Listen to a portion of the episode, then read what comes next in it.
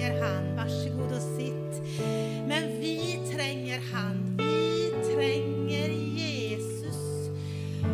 Vi trenger Jesus sin kraft. Hva er vi uten det? Tusen takk til dere. Vi trenger han. Vi trenger hans kraft i våre liv. Vi trenger hans kraft i menigheten, og det består av deg og meg. Wow! Jeg syns det er fantastisk å bare få stå innenfor Guds nærvær og kjenne det her.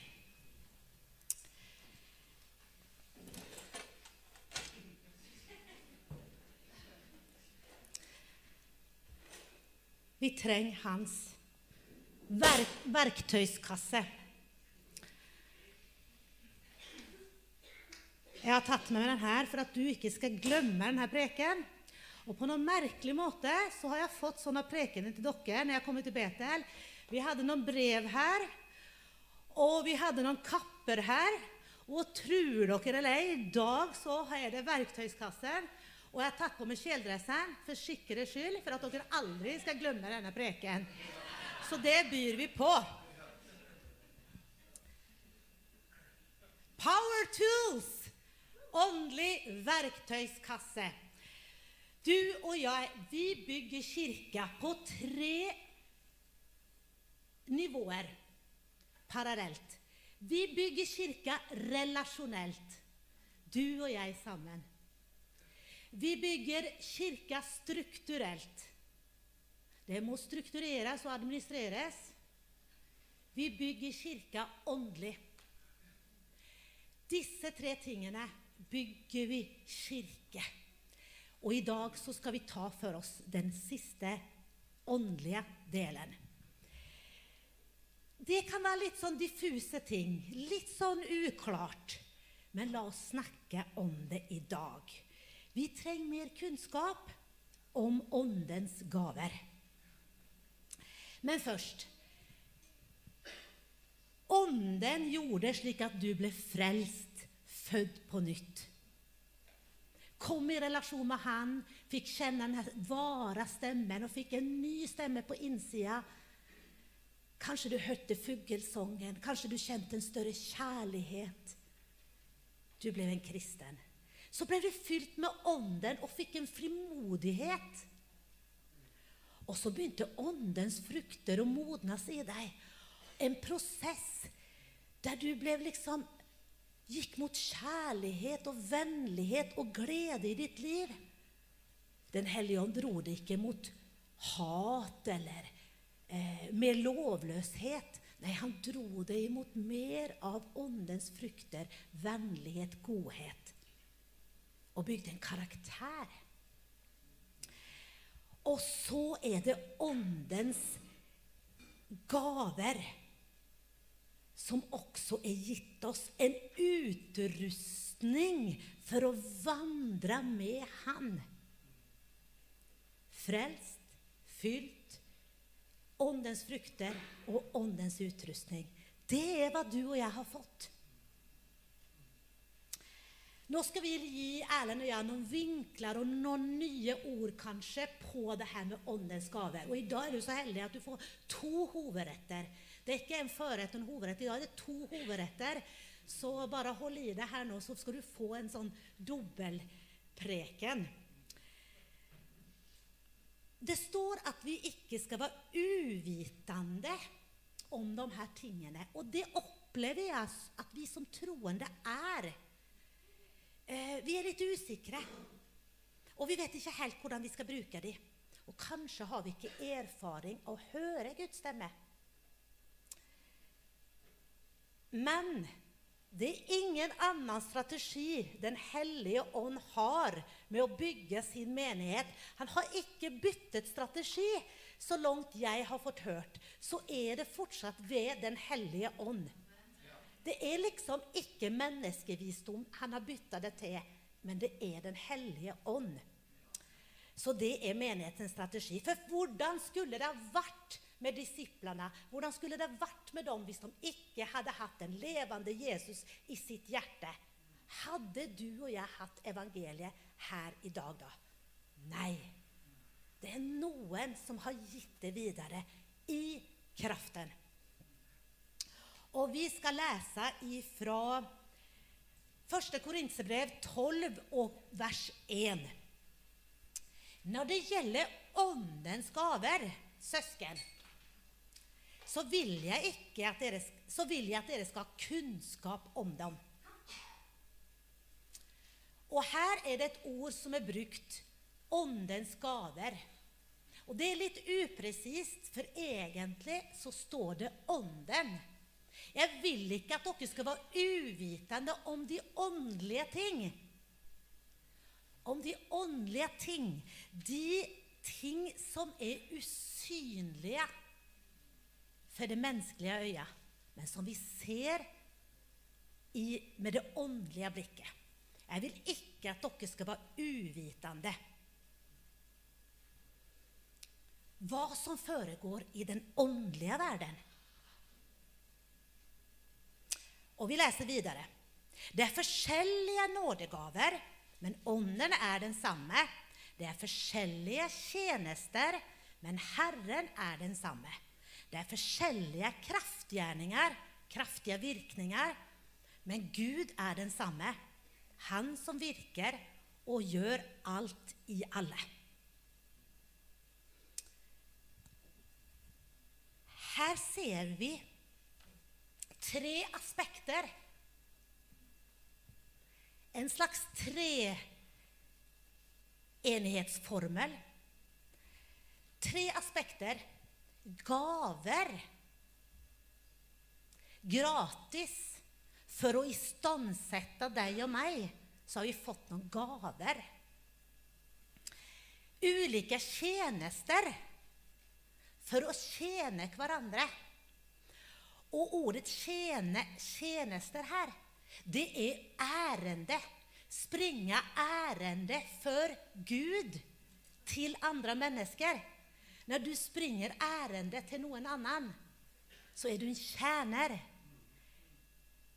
Og når de ser på deg, og du kommer med den tjenesten, så tenker de Wow, hvor kommer det her ifra? Jo, det kommer fra Gud. Du er en kjerne, en kanal. Kraftige virkninger er den tredje aspektet. Det er altså en effekt. Det er, ikke, det er noe som skjer. Det er ikke en tom tale. Det er energi. Det er oppbyggelse. Det er løfter. Det er Det er noe som gir retning. Det er kraftfullt. Det er ikke tomt. Det er en effekt. Det er kraftige gjerninger, kraftige virkninger. Det er tre aspekt. Gavene du får, tjenestene du gir, og så er det kraftig effekt. Og dette er en tydelig intro fra Paulus til de ni gavene. Dette er introduksjonen hans når han skal introdusere de ni gavene. Og Da står det videre visdom, kunnskap, trosgave, helbredelsesgave, kraftige undergjerninger, profetisk tale, bedømmer og skiller mellom ånder, og taler ulik slags tungetale og tyde tungetale. Der har vi ni gaver. Vi skal ikke inn på de gavene i dag, men introduksjonen var at den var for alle.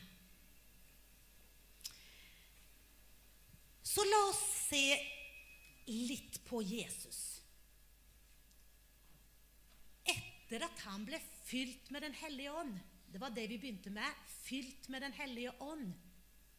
Da startet det. Han gjorde ikke han utførte ikke disse ni gavene, denne utrustningen, før det. Men da kom det et kunnskapens ord til kvinnen ved brønnen. Det kom et visdomsord når de dro fram en kvinne som skulle stenes. Vi så helbredelser. Vi så at han skilte mellom hva som var i hjertet. Vi så mirakler. Vi så at han talte profetisk. Og det var i de her gavene han opererte i sin tjeneste. Det var i disse gavene Jesus opererte i sin tjeneste. De fungerte i Jesus sin hverdag. Han gikk og vandret rundt, og de fungerte der han møtte mennesker. Det var en helt naturlig del i Jesus sitt liv. De første kristne, den første forsamlingen, de fikk Ånden første pinsedag. Etter det så går de ut i de samme gjerningene. De tok seg ikke sammen. Det var ikke et spesielt møte.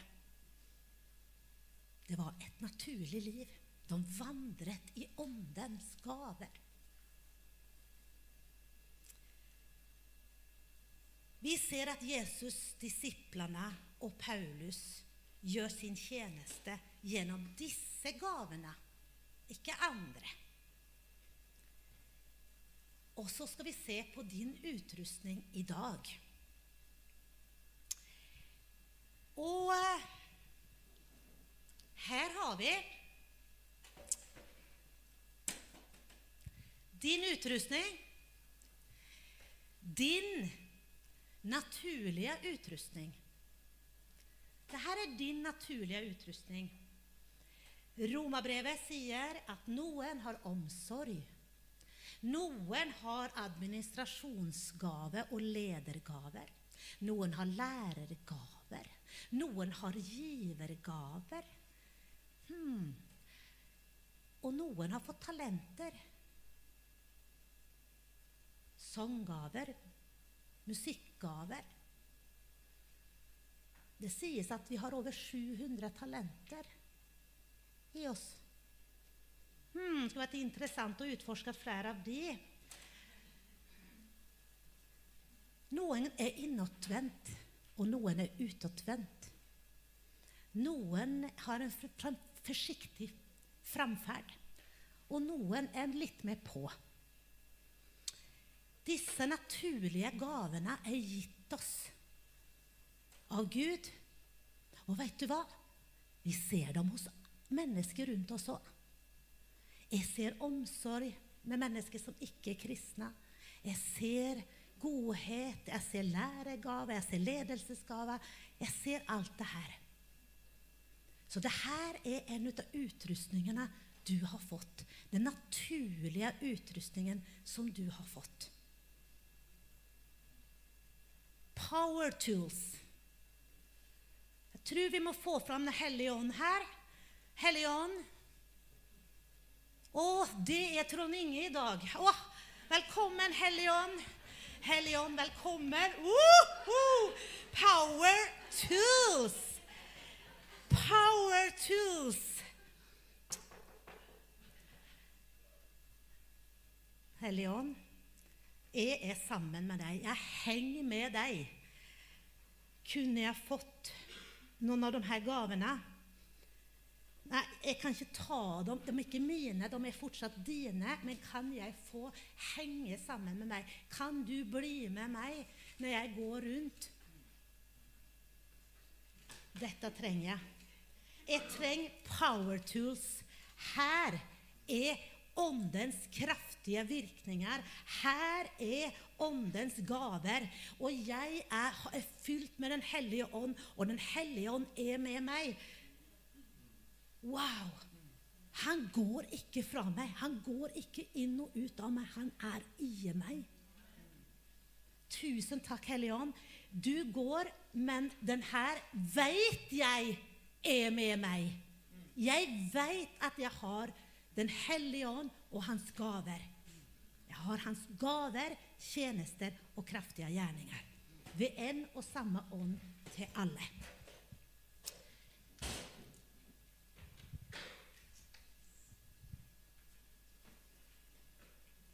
Må jeg bare se hvor jeg er her i min eh, Jeg må følge dette her i dag, sjø.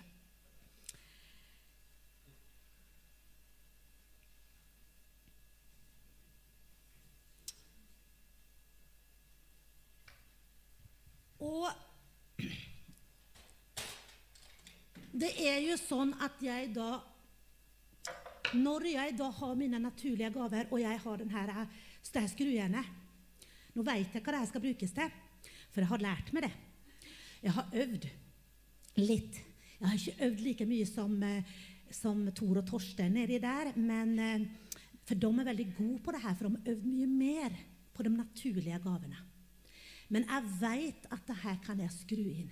Men om jeg skal sette opp en gipsvegg, da har jeg også lært meg at da trenger jeg noe mer power tools. Det blir for lite med min naturlige gave hvis jeg skal sette opp en vegg. En vegg. Da må jeg ha kraftigere redskap.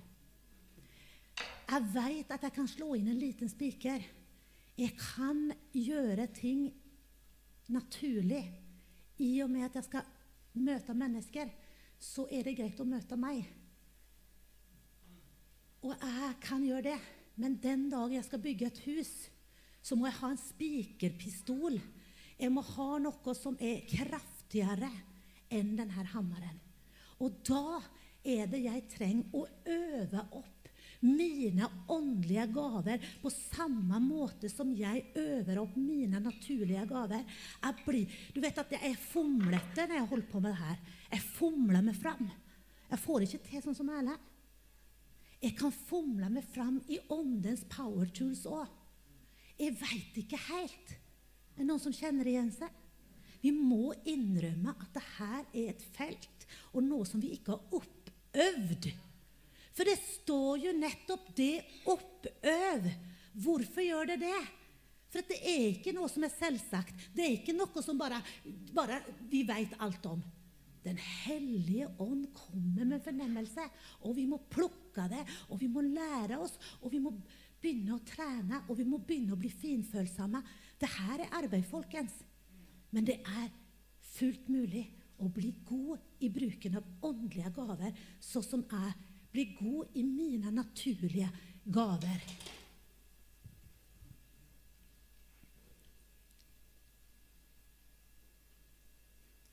Han vet, Jesus vet hvor gavene best skal brukes. Når og hvor.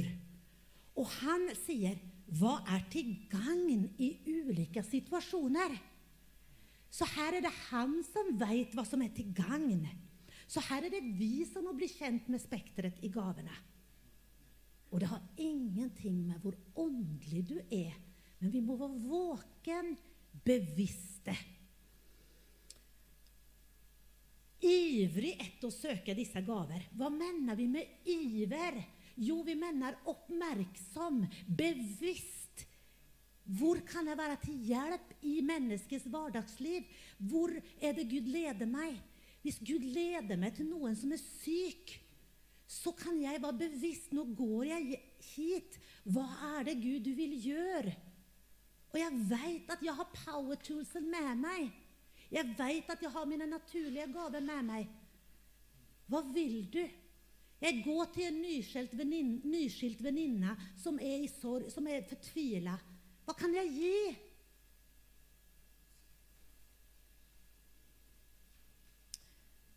Så det her er for å utruste oss troende kristne til det store oppdraget. Gå ut i hele verden. Ja, hva i hele verden skal vi gå ut med? Gå ut i hele verden med meg. Vi har fått kraften, vi har fått redskapene til å forandre denne verden. Vi er pinse i bevegelse. Vi har gått ut for å forandre denne verden. Så hva vil Gud nå i vår tid? Hva vil Han i Betel? Merker vi at Gud gjør noe nytt? Og vil vi være ledet?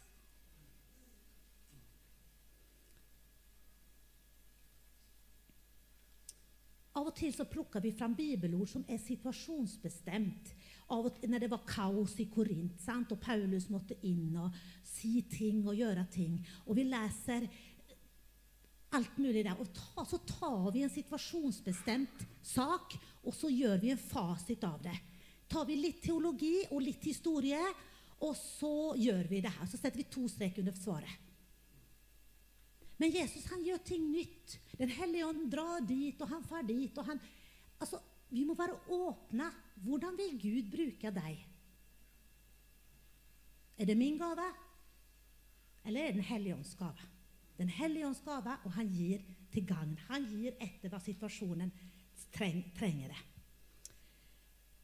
Skulle jeg tale til Norges nasjon og profetere før sommerferien nå Jeg føler at jeg har ikke tro for det. Jeg har ikke det måttet av tro. Det skulle ikke blitt helt rett. Men jeg kan jo småprofetere hjemme og si til Erlend det her opplever jeg, det her opplever jeg, det her opplever jeg. Jeg kan øve meg opp. Men jeg er ikke der at jeg stiller meg fram før jeg har blitt oppbøyd, trent og veit at jeg har skjedd det som jeg har talt tidligere. Så vi trenger ikke å bli nervøse, og vi trenger ikke å bli stressa. Og du kan slappe helt av. Du skal ikke presses ut i noen gaver. For noen tenker 'Å, oh yes, nå skal vi ha masse gaver i menigheten', og nå blir det liksom Nei, slapp av. Gud vil bruke oss alle sammen med vår utrustning i vårt hverdagsliv, i uti der, først og fremst. For det er behov, og han kommer dem til hjelp. Og han vil bruke deg som du er, med din stemme. Han vil bruke deg sånn som du er. Av og til syns vi at prestene gjør seg til i stemmen. Men jeg har jammen sett pinsevenner som har gjort seg til i stemmen. Har ikke, det har ikke vært dem sjøl, for de har endret seg rett etter. Altså, ja, Gud talte, men han bruker deg. Så vær avslappa. Åpne dine øyne og be til Gud. La oss søke med iver. La oss bli bevisste. La oss se hva er det Gud har for ham. Jesus hadde ingenting annet å gå ut med. Og du, hvis du spør deg sjøl, så har du ikke Du kan ikke frelse. Men du kan bringe folk som får åpenbart det usynlige inn i den synlige verden. For det er det gavene gjør. De bringer noe fra det usynlige inn i det synlige. Wow! Hvordan visste du det? Du bringer lys inn i en situasjon. Så vi har åndens frukter, og vi har åndens gaver. Og det er mer naturlig enn du aner. Og du og alle vi har bedt for noen, og så har det plutselig bare kommet mer og mer ord. Og vi kjenner Wow, der var det noe. Og under vår tjeneste så har vår tjeneste båret preg av en folkelighet, av en hverdagslighet. Og vi har opplevd mange ganger at det har fungert veldig bra ute blant folk. På en helt naturlig, hverdagslig måte. Med åndens gaver, med den naturlige utrustningen og med åndens frukter. De tre. Og Iblant taler Gud til kollektivet, og iblant taler han til den enskilde, den, den, til deg personlig. Når vi skulle komme hit til Trondheim, så fikk vi ikke et ord fra en menighet på et søndagsmøte. Det var veldig privat, og det var veldig, men vi fikk mange ord. Vi fikk ord på SMS. Skulle ikke dere komme til Trondheim? Det sto ikke 'Så sier Herren dere skal til Trondheim'. Det sto skulle ikke dere Altså, det er en tilnærming der man prøver å sjekke ut, i stedet for å si bastant Herren har sagt hva, hva skulle Erlend og jeg sagt da? Men skulle ikke dere komme En SMS! En profeti på SMS! Kan du ikke starte med det? Og så var det kaffeselskapet, og så var det på et restaurantbesøk. Og så var det en drøm som en mann fikk for tre år siden.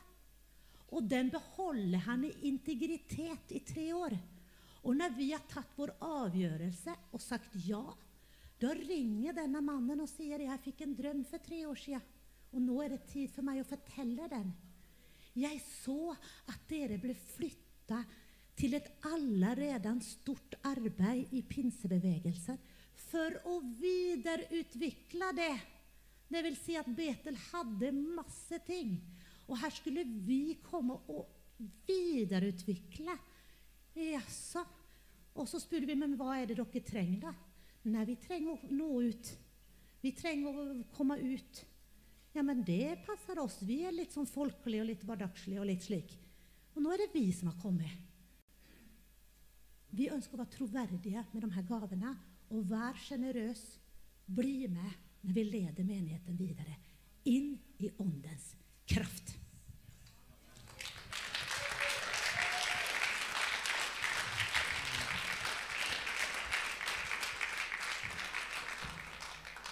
Tusen takk, Annika. Veldig bra. Eh, det er jo spennende for oss, eh, det her. Og så er det spennende også fordi at så lenge eh, jeg har vært en kristen, så har jeg, jeg har møtt mange kristne. Og så noen ganger så har vi noen sånne ting som vi sier og tenker at det er bra å si. Et av de ordene som vi noen ganger sier, og vi tenker at det er jo fint å si, det er at ja, men du skjønner, jeg er ikke så frimodig. Jeg er ikke så frimodig, og så på en måte setter vi oss, en, i, oss sjøl i en kategori der vi på en måte ikke forventer at Gud skal bruke oss, for han skjønner jo også det, at det er ikke noe særlig frimodig. og da tenker jeg i Bibelen så står det jo det at frimodighet har stor lønn, gjør det ikke? Ja. Eh, så da tenker jeg litt praktisk at ja, da må vi vel ordne med den frimodigheten, da. Og akkurat det samme var det Gud tenkte når han sier til disiplene dere skal vente her i byen til de blir ikledd kraft ifra det høye. sant? Og når han ikler oss som hans kirke eller som sine disipler kraft, så er det nettopp for å være vitner om han, for å være budbringere, noen som bringer budskapet videre, og noen som berører andre med dette budskapet. Derfor så må vi gjøre noe med denne frimodigheten og si det at ok, da tar vi imot den kraften som Gud hadde tenkt at skulle gjøre oss frimodige. Ok? Og så har vi dette aspektet. Vi skal lese fra første kor 2, eh, første Korinterne 2. Og I vers 1 så sier Paulus det da Da jeg kom til dere søsken, var det ikke med fremragende talekunst eller visdom jeg forkynte Guds mysterie. Og i vers 4.: Jeg forkynte ikke mitt bu budskap med overtalende visdomsord, men med ånd og kraft som bevis, for at deres tro ikke skulle, tro skulle ikke bygge på menneskelig visdom, men på Guds kraft. Men for oss har Gud åpenbart det ved sin ånd, for ånden utforsker alle ting, også dybdene i Gud. Så Paulus er veldig tydelig på at det her er på en måte den utrustninga som nødvendigvis må gå med oss. Eh, og så gjenkjenner vi det når vi tenker på hva Jesus sier i misjonsbefalingen, når han sier at disse tegn skal følge dem som tror. I mitt navn skal de sånn og sånn og sånn. Så er det noe overnaturlig. Det er noe mer enn det naturlige som stilles til vår disposisjon i formidlinga av dette budskapet. Men det som ligger Gud på hjertet, det er at han ønsker å berøre alle mennesker. Og han ønsker å berøre på en sånn måte at det er ingen tvil om at Gud er her. Gud berører. Gud er den som kommer til oss mennesker. Levi Petrus, vi har med oss litt ifra han. Ånden er fortsatt menighetens sterkeste Eller eneste, vil jeg kanskje si. Eneste strategi. Det er ikke sånn at eh, nå har eh, himmelen testa ut det her med ånden, og så funka ikke det helt. så Derfor så skifter vi litt strategi, og så tenker vi det at om vi kunne heller gått litt tilbake og så prøvde å ordlagt oss veldig godt. Prøvd å liksom overbevise folk med å si ting på en fin måte og forståelig, og så sånn Nei, strategien er fremdeles den samme. Og Levi Petrus han sa kristendommen eh, Kristendommens overlegenhet i dag over det onde ligger i dens natur, nei, overnaturlige tilganger. Og så vet vi at det stemmer med Guds ord, for Guds ord sier at Guds rike består ikke i ord, men i kraft. Så vi skjønner, i hvert fall så skjønner jeg at ja, kanskje det er noe vi har skjønt litt av, og kanskje det er noe det er rom for å skjønne mye, mye mer av. Og hvis jeg tenker på mitt liv, så tenker jeg i mitt liv så er det i hvert fall rom for å forstå enda mye mer av hvordan Den hellige ånd kan være med meg, og jeg kan få, få lov å ta fram hans sine power tools når jeg trenger dem, og på en måte bruke det som en mulighet. Og hvem er det da det her gjelder? Gjelder det her predikantene? Gjelder det her pastorene? Gjelder det her dem som er ansatt i menigheten? Hvem gjelder det her? Disse tegn skal følge dem som tror. Har vi noen troende her i dag? Ja. Og så går vi til Joels profeti, og så gjenkjenner vi det. At det her er noe allmenngyldig. Det her er ikke for spesielt utvalgte, utplukka noen som liksom er Å ja, han er ekstra hellig. Deretter skal det skje at jeg skal utøse min ånd over alt kjød. Deres sønner og deres døtre skal profetere. Deres gamle menn skal ha drømmer, og deres unge menn skal ha syner. Også over mine slaver og slavekvinner skal jeg utøse min ånd i de dager. Dette er kanskje Det gamle testamentets største løfte. Løftet om Ånden, som ikke lenger er bare over kongen, profeten og presten, men som utøses over alle. Det er også denne verdens største tilgang. At Gud gjør det på den måten. For det levendegjør troa og livet i Gud i hver enkelt av oss. Det vil si, om du er helt fjern fra det her, så snakker jeg i dag om et potensial som Gud har lagt, deg, lagt der for din del. At du kan få lov å begynne å vandre i noe som er av Gud. Og så snakka Annika om åndens frukter. Det var hun inne på. Og, og jeg tenker at eh, like naturlig som at vi lar åndens frukter utvikles i livet vår og skape noe nytt, skape en ny karakter, så skaper ånden ved gavene en ny karisma. Karismaen, altså gavene, det som Gud gir ved nåde av de her power toolsen, de må bæres av en karakter. De må bæres av åndens frukter i livet vårt. Om vi vender det ryggen, så på en måte blir det ikke bra. Og vi skjønner de her kjødets gjerninger, som er på en måte ondskapen i oss mennesker. Vi skjønner det at når vi overgir oss til det, så er vi ikke med å bygge et godt samfunn for mennesker å bo i. Hvis egoismen i meg får lov å råde, så er jeg ikke med på det.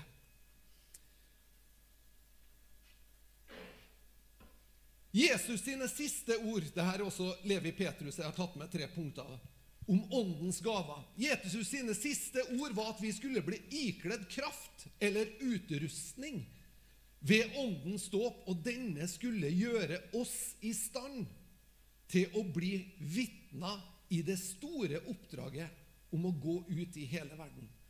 Den hellige ånd var den eneste utrustninga som Jesus lovde.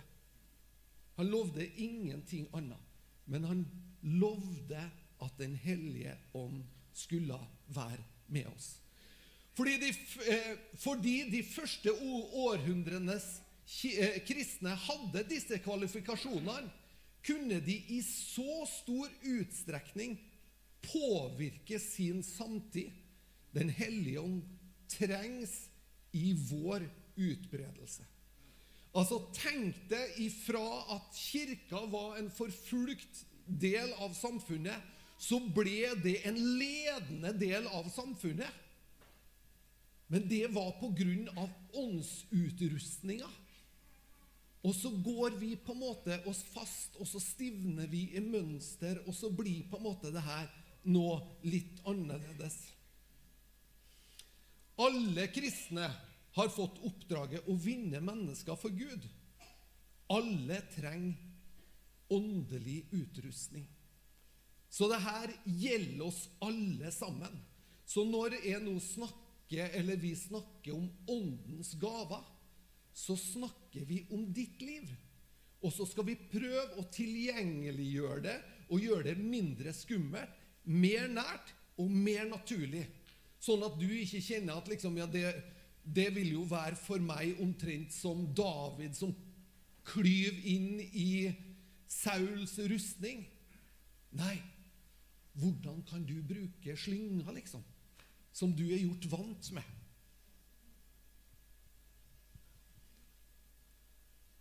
Åndens gaver fungerer best i kjærlighet. Dette ser vi i Jesus sitt liv, og vi skjønner det også når kapitlet om åndens gaver i 1. Korinterbrev 14 Der står det om de ni åndens gaver, og så har vi noen andre nådegaver òg. Noen har en nådegave til å leve f.eks. enslig. Andre har en nådegave, som Annika var inne på, til å være en administrator. Det fins mange nådegaver. Men når vi snakker om de her åndens gaver, så snakker vi om de her kraftutrustningene. ok? Så Vi skjønner at det er en forskjell. Men når det står om det i, i 1. Korinterne 12, så kommer det en overgang til kapittel 13 som vi kaller kjærlighetens eh, høysang, egentlig. Altså Vi kaller det kapittelet, og vi tenker at det står for seg sjøl, på en måte. Og snakker så fint om kjærlighet. Men det snakker fortsatt om åndens gaver. Om hvordan åndens gaver skal fungere på en god måte. Og så fortsetter han i kapittel 14 å snakke om åndens gaver. Og i kapittel 13, som handler om kjærligheten, der også snakker han om åndens gaver. Om profeti og sant? Så vi skjønner det at når han sier 'jeg skal vise dere en bedre vei', så er ikke det at Paulus sier at 'men egentlig trenger vi ikke det her', bare vi har kjærlighet. Nei, han sier 'jeg skal vise dere en bedre vei og få det her til å fungere'. Og litt sånn tenker jeg om oss i dag også. Hvordan skal vi få det her til å fungere i livet vår? Jo, da må vi ta det og dyppe det i kjærlighet. For hvis åndens gaver skal være en sånn Ok, vi, vi, må ha litt åndens gaver i kirka vår. Vi må ha litt helbred. Det må skje litt ting. sant? Vi må, vi må vise folk hvor åndelige vi er. Eller vi skal, vi, altså, Da er søndagen for eksempel, det er ukas høydepunkt. Da skal vi ha et åndelig show her. Og så skal, skal pastoren vise hvor fortreffelig og åndelig han er. Og så liksom skal vi Og her skal det skje Skjønner du? Altså det kan være mange altså jeg tenkte, Første gangen jeg skulle be for en sjuk Første gangen jeg skulle be for en sjuk, det var onkelen min. Han satt i rullestol og hadde MS. Og jeg og min gode venn Dag Vi har jo lest Guds ord da, og var helt nyfrelst. Og vi tenkte, vi gikk marsjerte inn på sykehjemmet der onkelen min satt, og vi skulle reise han opp fra rullestolen. Og, og vi var klar Når vi gikk dit og prata sammen, så var vi klar for VG-intervjuet dagen etterpå. Vi var helt klar, liksom. Ja, ja, VG kommer til å ringe. Det blir store ting av det her. Altså, Vi hadde jo ikke fokus og hjerte for onkelen min, egentlig. Sjøl om jeg var veldig glad i han så var det liksom Hva kan skje nå, liksom? Og litt sånn er vi. Vi trenger å lære litt av Jesus. Jesus sier når han helbreder den syke eller renser den spedalske, sier han, gå bort, ikke fortell det til noen. Med det så sier Jesus, du er endestasjon for min kjærlighet.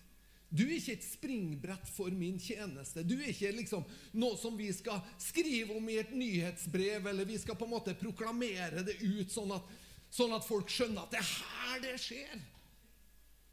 Sant? Men det må dyppes i kjærlighet. Hva er motivet vårt? Hvor, hvor lar vi oss bevege? Hvor lar vi oss berøre? Deretter dro Jesus omkring i alle byene og landsbyene. Han lærte i synagogene deres, forkynte evangeliet om riket og helbredet alle slags sykdommer og alle slags skrøpeligheter iblant folket. Jesus er vårt forbilde. Men da han så folkeskarene, ble han grepet av dyp medlidenhet med dem. For de var utslitte, motløse og spredd omkring som sauer uten hyrde. Jesus fikk medlidenhet med folk. Og det er kanskje det også kan hjelpe deg å åpne opp i ditt eget liv det her behovet for at Den hellige ånd kommer deg til hjelp med kraft. Nettopp det at du er i møte med noen som har behov, som gjør at du blir berørt av det behovet. Hvordan var det? Og Annika spurte meg her hvordan skal vi oppleve det her. Så sier jeg til Annika på bønnemøtet på tirsdag så kom det inn fire ungdommer her. Og Annika satt og snakka med den ene jenta. Og så spør jeg hva kjente du for hun jenta. Og så sier hun jeg ble så bedrøva over livssituasjonen. Ja, nettopp. Det er i den kjærligheten de her gavene kan fungere. Som gjør at jeg møter noe i mine medmennesker som gjør at jeg Gud, hva vil du for denne jenta? Og så får jeg kanskje et profetisk ord, en tiltale, et ord som jeg kan dele. Vet du noe? Jeg tror at Gud har ei framtid for deg som ser annerledes ut enn den kursen du har staka ut nå. I berøring med mennesker så vil også åndens gaver kunne flyte. Åndens åpenbaringer, står det i eh, det syvende verset i Korinterne 12. Den første kor 12. Åndens åpenbaring blir gitt hver enkel etter hva som er gagnlig. Og så tenker vi litt sånn at åndens åpenbaringer er noe Den hellige ånd gjør. Og så er vi liksom litt sånn vitne til det. Vi, er, vi, vi, står og er med litt sånn passivt til det. Men det her verset det kan, det kan skrives om litt for det ordet som er brukt til åpenbaring. Eh, fan, eh, fanerosis. Det handler om åpenbaring, om å gjøre noe klart. Om å avsløre noe, bevis, eh, bevis bevisstgjøre, manifestere Gjøre synlig, gjøre observerbart, vise eksistens, bringe for dagen, bringe frem i lyset. Så det har en rik betydning, ordet. sant? Og da kan vi faktisk snu på det ordet, og så kan vi si det Det blir gitt enhver å åpenbare Ånden. Det blir gitt enhver å være med å åpenbare Ånden. Og da skjønner vi litt, for at hva sier Jesus? Jo, det Faderen gjør, det jeg ser Faderen gjør, det gjør jeg likedan. Og hva sier Jesus? Han sier, og så skal jeg sende talsmannen Den hellige ånd, og han skal ta av det som er mitt, og gi til dere. Og Den hellige ånd tar av det som hører Jesus til, og gir til oss åpenbare, gir det til oss, sånn at vi kan åpenbare Åndens tilstedeværelse, nærvær, i mennesker sine liv.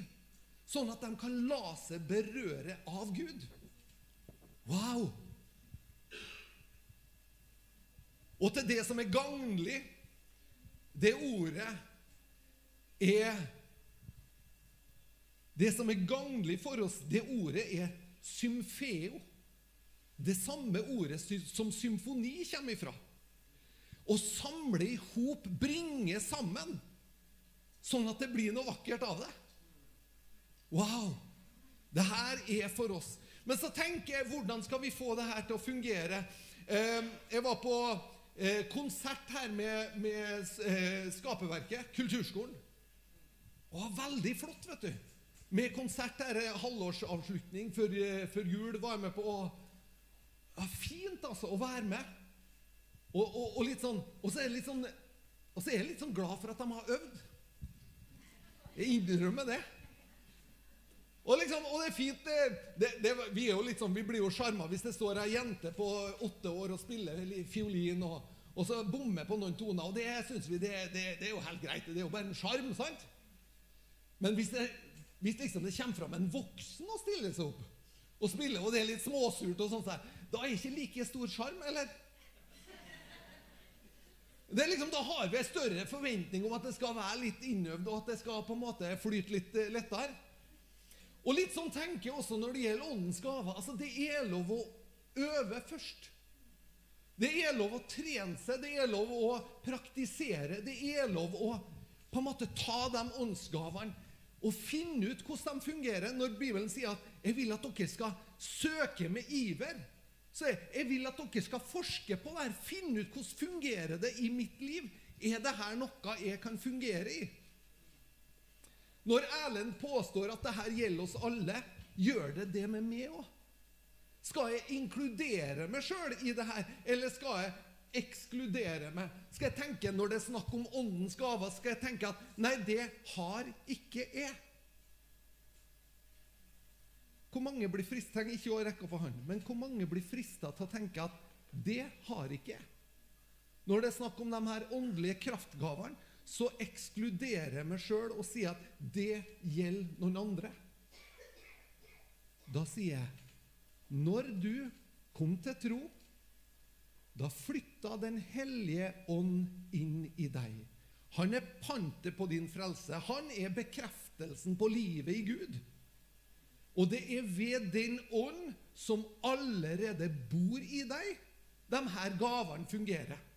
Det vil altså si at du kan ikke si Ja, men du Hellige Ånd, du bor i meg, men du må tie stille. Du må på en måte ikke gjøre noe, være noe, ikke gjøre noe vesen av det her. Nå, nå, må vi ta det her veldig fint. Så, nei, Den hellige ånd bor, og det er ved den ånd som vi kan gjøre de her gjerningene. Og det er ved den ånd også vi gjør det naturlig. Det vil si altså at du kan stå også i møte med et menneske, så kan du få et kunnskapsord eller en visdomstale. Du kan plutselig befinne deg i en situasjon der du taler livgivende ord inn i vedkommende.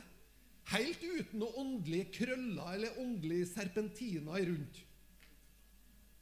Så sier Herren Nei, Vet du noe jeg tenker på når jeg ser det? Naturlig. Vet du hva jeg tenker? Og så blir det i den personens historie så blir det Wow, jeg møtte henne på butikken i dag, og jeg ble så oppmuntra. Jeg følte meg så sett. Nettopp. Du åpenbarte Ånden. Du åpenbarte at Gud var nær. Du åpenbarte, akkurat som, som det står Wow, Gud er midt iblant dere. Det er en opplevelse, det er en åpenbaring. Du opplever noe, du ser noe. Og vi ønsker fordi at det her er himmelens strategi for at menigheten skal utføre sitt store oppdrag, så ønsker vi i tida framover å være med og ikke liksom pushe deg over dine grenser eller, eller liksom putte det ut i ting som er ubekvemt, eller si at ok, nå skal, nå skal du komme opp og skal du tale profetisk til nasjonen. Nei, tror ikke det. Fordi at jeg opplever når jeg leser om Jesus og når jeg leser apostlenes gjerninger, så ser jeg at de berørte mennesker ute i hverdagslivet. Ute på arbeidsplassene, ute i samfunnslivet. Der var Gud med. Der stadfesta Gud. Og noen ganger var det i en synagoge òg. Noen kom med ei vissen hand òg. Men det at vi tenker, våger å tenke at den åndelige arenaen er livet vårt Den åndelige arenaen er ikke begrensa til to, en og en halv, to timer på søndags formiddag. Men det åpner opp sånn at det betyr at Gud er med oss alle dager. Og han berører gjennom oss alle dager. Så vi skal ha ei spennende vandring sammen, der vi skal tilgjengeliggjøre det her, sånn at vi kan øve oss opp, sånn at vi kan oppleve at det her faktisk er noe som skal skje i og gjennom våre liv. Høres det spennende ut? Ja, men Erlend, betyr det at nå på møter framover så blir det salig kaos? Nei, det betyr ikke det. For jeg tror at Gud er ordens Gud. Og jeg tror at på en måte at, vet du noe, jeg tror at det viktigste er at vi istandsettes til tjenestegjerninga vår ute blant folk. Og hvis vi opplever at folk kommer inn i møtet og får, Her kommer det folk som på en måte trenger at Guds kraft løser dem. Trenger helbredelseskraft. Selvfølgelig skal vi oppleve det, at det skjer. Men jeg tenker, vet du noe? Jeg tenker det at la oss åpne opp livet vår. Og la oss trene oss og øve oss opp i de hverdagsliva der vi er. Amen? Amen? For meg personlig så var en bensinstasjon i Kristiansund var min treningsarena. Der jobba jeg sammen eh, med en god kollega og venn, Per Ståle. Per Ståle hadde kommet litt lenger enn meg i det å høre Den hellige ånd og, og, få på en måte ord og ting til andre mennesker. Så vi snakka om det, vi to. Vi snakka om det, og så, så, trente vi oss opp til å forstå, til å skjelne, til kunne å og det skal jeg fortelle litt mer om etter hvert. Men det skal jeg ikke ta i dag, for i dag har vi allerede brukt tida. Ok? Men jeg tror på det. Og jeg tror at Den hellige ånd i det er vinnerkonseptet til kirka, og det er vinnerkonseptet til at vi kan berøre menneskene i vår tid også. Amen. Skal lovsangsteamet komme fram, og så skal jeg avslutte med en bønn. Ok. Vi kan godt stå opp sammen nå. Jeg takker deg, Herre Far, for din godhet imot hver enkelt av oss. Jeg takker deg, Herre, for at du er trofast, Herre, og takker at du ønsker å se åndelige gjennombrudd og berøringer av mennesker i Trondheim by. Og du ønsker ikke at den eneste en av oss skal stå der naken og kjenne at vi ikke har noe å gi eller har noe å komme med. Jeg takker deg, Herre, for at du vil bringe til oss, du vil utruste oss og bringe til oss åndens gave, åndens hjelp i situasjoner. Det takker jeg for. Og så ber jeg nå, Herre, at du skal åpne hjertet vår, nysgjerrigheten vår, at du skal åpne oss sånn at vi, hver enkelt av oss, begynner å søke det, begynner å forske ut hva er det det her gjelder. Hvordan kan det her være en del av min hverdag? Hvordan kan jeg få lov å oppleve at det her er noe som skjer i mitt liv også? I Jesu navn. Amen. Jeg sender med dere et spørsmål hjem. Hvordan kan du øke din bevissthet i hverdagen? Hvordan kan du være med å gjøre den usynlige verden synlig? Og hva holder det tilbake? La de spørsmåla være en sånn prosessspørsmål for din egen del. Og så, og så blir det her spennende og rikt for oss som kirke. Amen? Amen. Kom de ikke opp?